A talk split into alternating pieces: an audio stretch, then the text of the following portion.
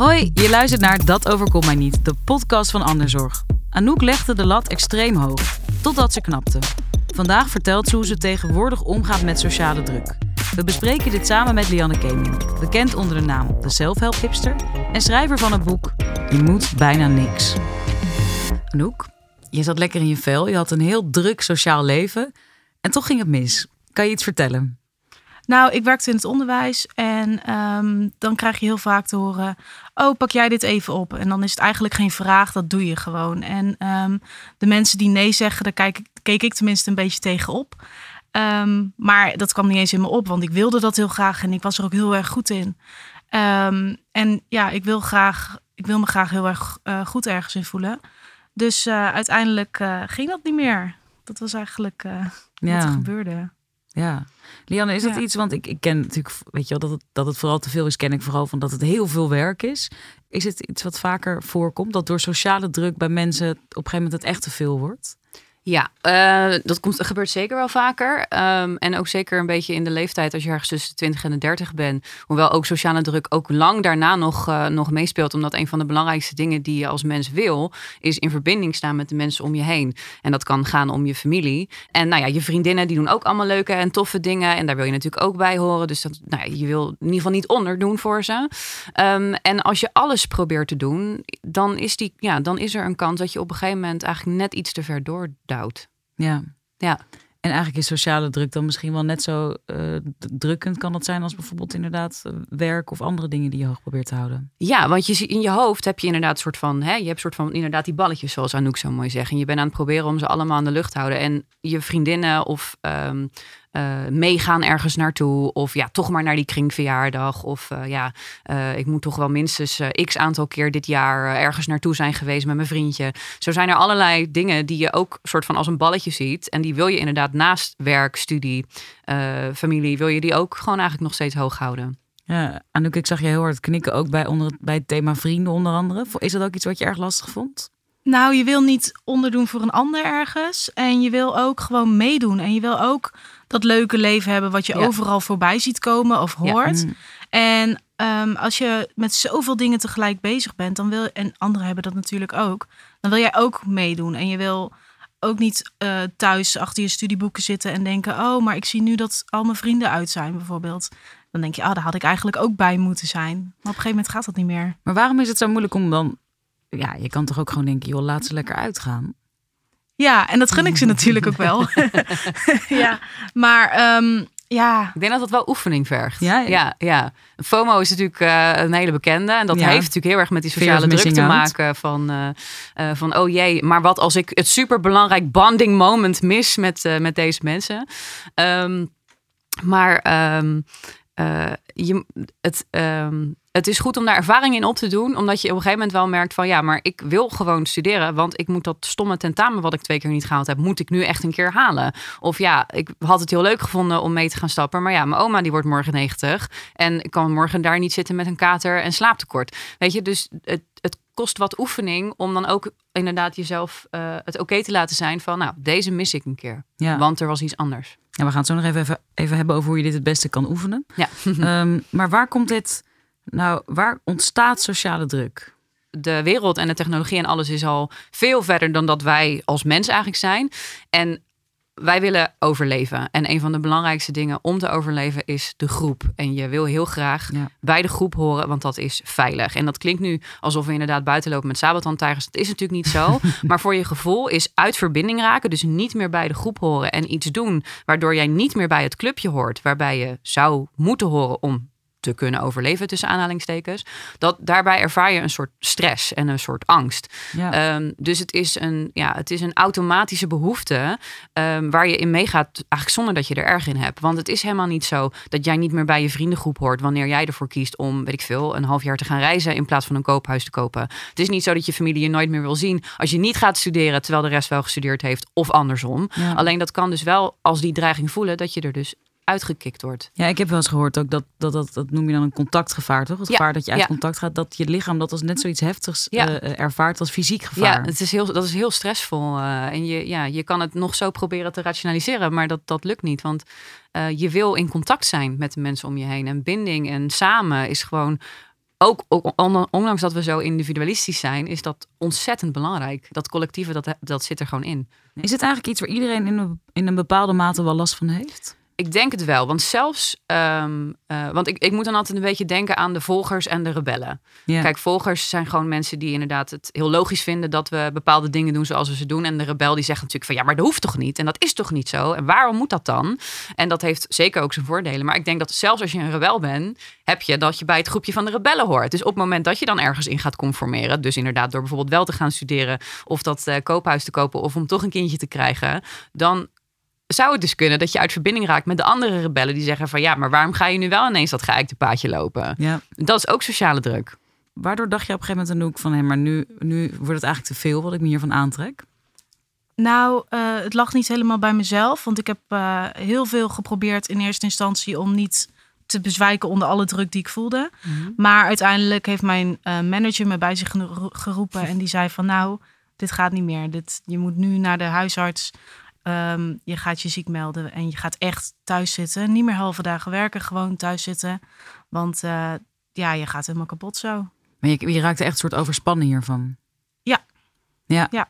Een soort? Nee, volgens Ja, mij wel meer wel- dan dat, niet? Ja, ik, het was wel heftig, ja. En ehm, het, was, het waren meerdere factoren, maar die druk die vanuit mezelf kwam, maar ook de sociale druk om me heen, dat ja, leidde er wel toe dat ik uiteindelijk omviel. Ja. En Ja. Ben, je, ben, je, toen- ben je daar, viel je lang om? Als zijn van wat gebeurde er toen? Wat, Ja, ehm, ik ben eh, uiteindelijk bijna anderhalf jaar eh, uit de running geweest. Wel weer reïntegreren en dergelijke, maar ja. En dan kom je thuis te zitten en dan pas zie je op sociale media, Instagram en dergelijke, alle vakanties, alle huisjes die gekocht worden, alle kinderen die gekregen worden inderdaad. ja. En jij zit thuis als een balletje onder je deken te huilen. Ja, Wauw, ongelooflijk Ja. zeg. Ja. Dat je, ja. Is dat iets wat, wat vaak gebeurt, Lianne? Dat Ja. mensen echt, echt... Ja, wel Anouk's verhaal eigenlijk. het onderwijs is echt een ideale breeding ground voor, voor het bezwijken onder dit soort druk. Want het is heel normaal om daar geen nee te zeggen, om alles te geven voor de leerlingen. En dat is natuurlijk supergoed, maar dat is eigenlijk ook heel schadelijk. Ja. Ehm, eh, als je daarbij ook nog probeert om een sociaal leven te hebben, waarschijnlijk ook een beetje alsof je nog student bent. Eh, in, naast het werkende of in ieder geval het stageleven. En je wil daarnaast ook misschien een goede dochter zijn, een goede vriendin, een goede partner. Als je al die moedjes in je hoofd blijft proberen te bijhouden, dat wordt op een gegeven moment te veel. Op een gegeven moment moet je eigenlijk accepteren dat je in een aantal dingen gewoon gaat falen. ja. Maar wat is dan de sleutel? Ik heb daar ook een stukje over geschreven in mijn boek. Je moet bijna niks. Ehm, en wat voor mij gewoon eigenlijk heel erg daarin heeft geholpen, is een soort ehm, acceptatie van het feit dat ik het wel kan, maar kan het niet allemaal tegelijk. Eh, dus in de ene periode, als het super druk is op mijn werk, ja, sorry, dan kom ik niet naar je feestje. Of dan, of nou ja, dan kom ik wel naar je feestje, maar ik ga niet drinken en ik ben redelijk vroeg ben ik weer thuis, want ik ben een beetje een granny. Eh, omgekeerd, op het moment dat ik eh, heel erg druk bezig ben met schrijven, ja, dan schiet mijn sporten er een beetje bij in. En als ik bijvoorbeeld heel veel aan het sporten ben, ja, dan heb ik inderdaad wat minder avonden quality time met mijn vriend. Weet je, en zo ehm, door niet te proberen om het allemaal precies in alle schemaatjes te passen, maar gewoon het oké te vinden dat één ding nu even iets meer prioriteit is en dat de rest wel weer komt. Ja. Dat scheelt, heeft voor mij echt onwijs veel geschild. Ja, en de sociale druk hield ook niet op. Hè? Toen ik eh, omviel, Nee. dan moet je van de bedrijfsarts of wie dan ook een uur gaan wandelen elke dag. En je moet gezond gaan eten. En daar sla je dan ook weer in door. Want je denkt, Ja. oh, als, dat, als ik dat maar doe, dan gaat het goed. En dat is Ja. ook wel weer sociale druk. Ja, Terwijl je eigenlijk gewoon even helemaal niks moet doen. En denken Precies. van, hé, hey, wat heb ik nodig? Wat, Ja. wat, Eigenlijk Ja. krijg je dan ook weer een soort nieuwe balletjes aangereikt. Van Ja. hey, je, je komt dan nu niet meer werken, maar je moet zorgen dat je dit, Ja. dat je dus gezond en minimaal je- één Ja. keer in de week koffie drinken op je werk. En oh minimaal ja, ja, ja. eh, naar een psycholoog of maatschappelijk werker of praktijkondersteuner Ja. of wie dan ook. Je moet eigenlijk nog steeds heel veel, terwijl je eigenlijk Ja. omwegvalt omdat je zoveel moet. Hoe zou jij dan zeggen dat het dan, weet je, zegt van ja, ze bleef maar sociale druk ervaren. Ja, Wat was voor jou dan een, be- een betere route misschien geweest, Anouk? ik denk dat ik eh, meteen had moeten praten met mensen die dichtbij me stonden en eh, accepteren dat het nou eenmaal even zo was. En want ik dacht dat iedereen mij zag als iemand die heel erg gefaald had in, in alles. het was ook meteen alles of niets. Ja. Ehm, dus ik denk dat het voor mij heel erg had kunnen helpen om gewoon meteen met mensen te praten. En die hadden gezegd, hey joh Anouk, wat erg voor je.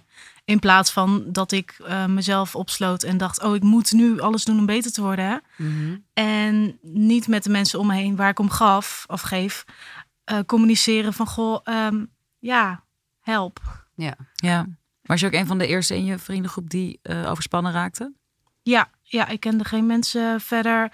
Ik ben er wel heel erg open geweest zelf op social media. En daar heb ik heel veel mensen ehm, toch een soort van mee kunnen helpen. Mhm. Omdat zij ineens zagen, hey, iemand is zichtbaar daarmee aan het struggelen. En iemand is daarmee bezig. Ehm, en ik had het ook over die druk. En ook over, hey, mensen, nu ben ik even een paar dagen niet op Instagram of whatever. Omdat ik het even niet meer aan kan. En dan kreeg ik ook weer berichtjes van, hey, ik herken dit. Mhm, en ja. ik voel die druk ook continu. Ja, want dat is social media is er ook eentje, Lianne, waar Ja. het vaak over Ja. gaat als het gaat over sociale druk. Ja, omdat, eh, kijk, het is natuurlijk zo'n super bekende quote. Ja. Iedereen zet op Instagram zijn highlight reel, terwijl jij ook je behind the scenes materiaal altijd eh, ziet.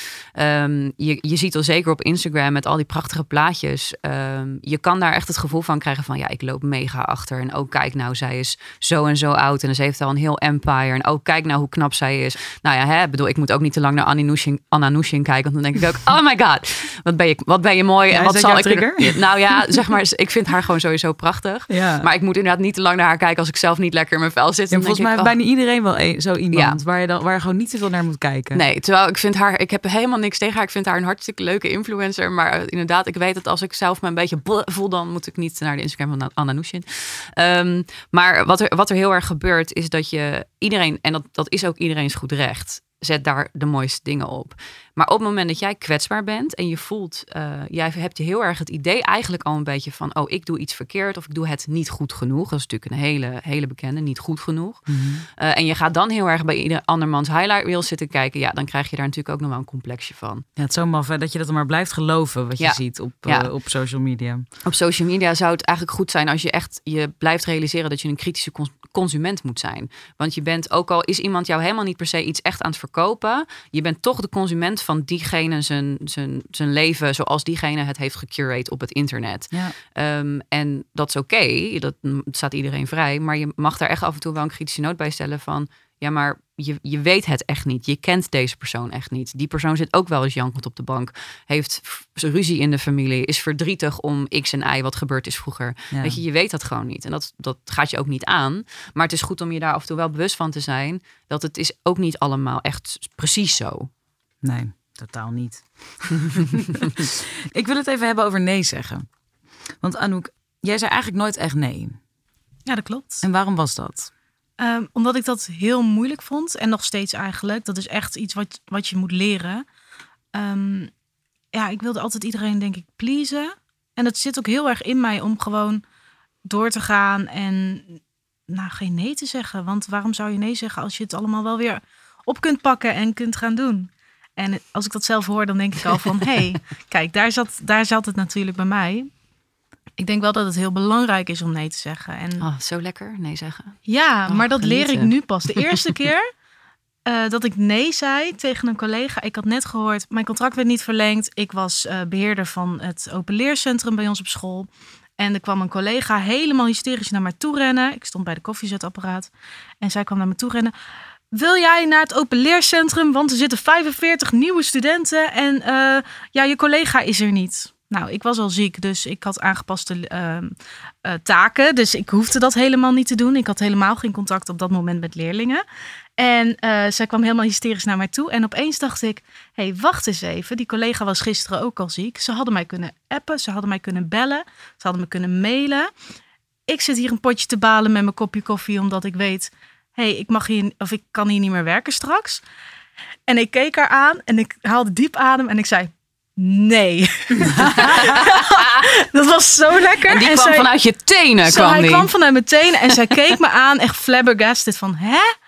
En ik zo, nee, nog een keer, twee Mhm. keer. En toen Lekker. zat ze echt van, hè, maar, en, en nu dan? Ik zo, sorry, dit is echt niet mijn verantwoordelijkheid. Heel goed. En dat was zo lekker om in te zien dat iets niet jouw verantwoordelijkheid was. Ja. En een collega stond tegenover mij en die wist wat er allemaal gaande was. En die gaf mij een high five toen ze wegliep. Die had echt zoiets van, goed zo. Dus dat Ah, moment, ja. als ik nu twijfel van eigenlijk wil ik nee zeggen, ja. dan denk ik, oh ja, dat moment. Ik kan het wel, ja. Ik Ja. kan het wel. En wat ik ook vaak doe als ik het niet kan, is eh, stel een vriendin belt me huilend op terwijl ik dacht, hé, hey, ik wilde in bad gaan liggen en ik heb een rotdag.